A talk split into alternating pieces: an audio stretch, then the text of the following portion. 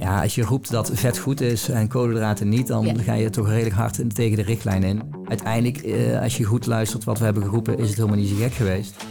Zeggen we met z'n allen hetzelfde, alleen ja, blijkbaar vond de media het heel interessant. Ja, je zult een soort structurele plek moeten gaan geven aan het ongestructureerde. Ja. En dat is super moeilijk. Ja, dat is lastig, hè? Ja, zeker. Want Ja. we hebben alles afgespro- afgesproken met elkaar. Overal is iemand voor verantwoordelijk. En als we zeggen van nee, we leggen het gewoon ook daar neer waar het gebeurt. Ja, dat is, eh, dan gaan er andere krachten spelen. Dat is misschien een enorme open deur.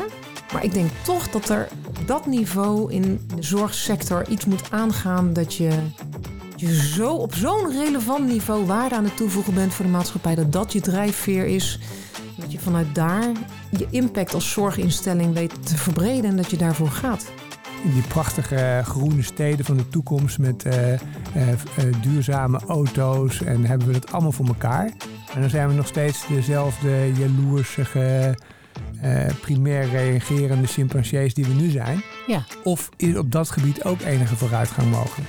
Hè, dus de bekostiging rondom leefstijl en leefstijlgeneeskunde ja, maakt dat we nog steeds heel veel ziekte belonen. En we belonen niet om iemand gezond te houden. Maar we hebben wel twee pandemieën. Hè?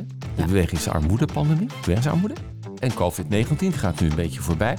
Maar uiteindelijk is die bewegingsarmoede-pandemie is er nog.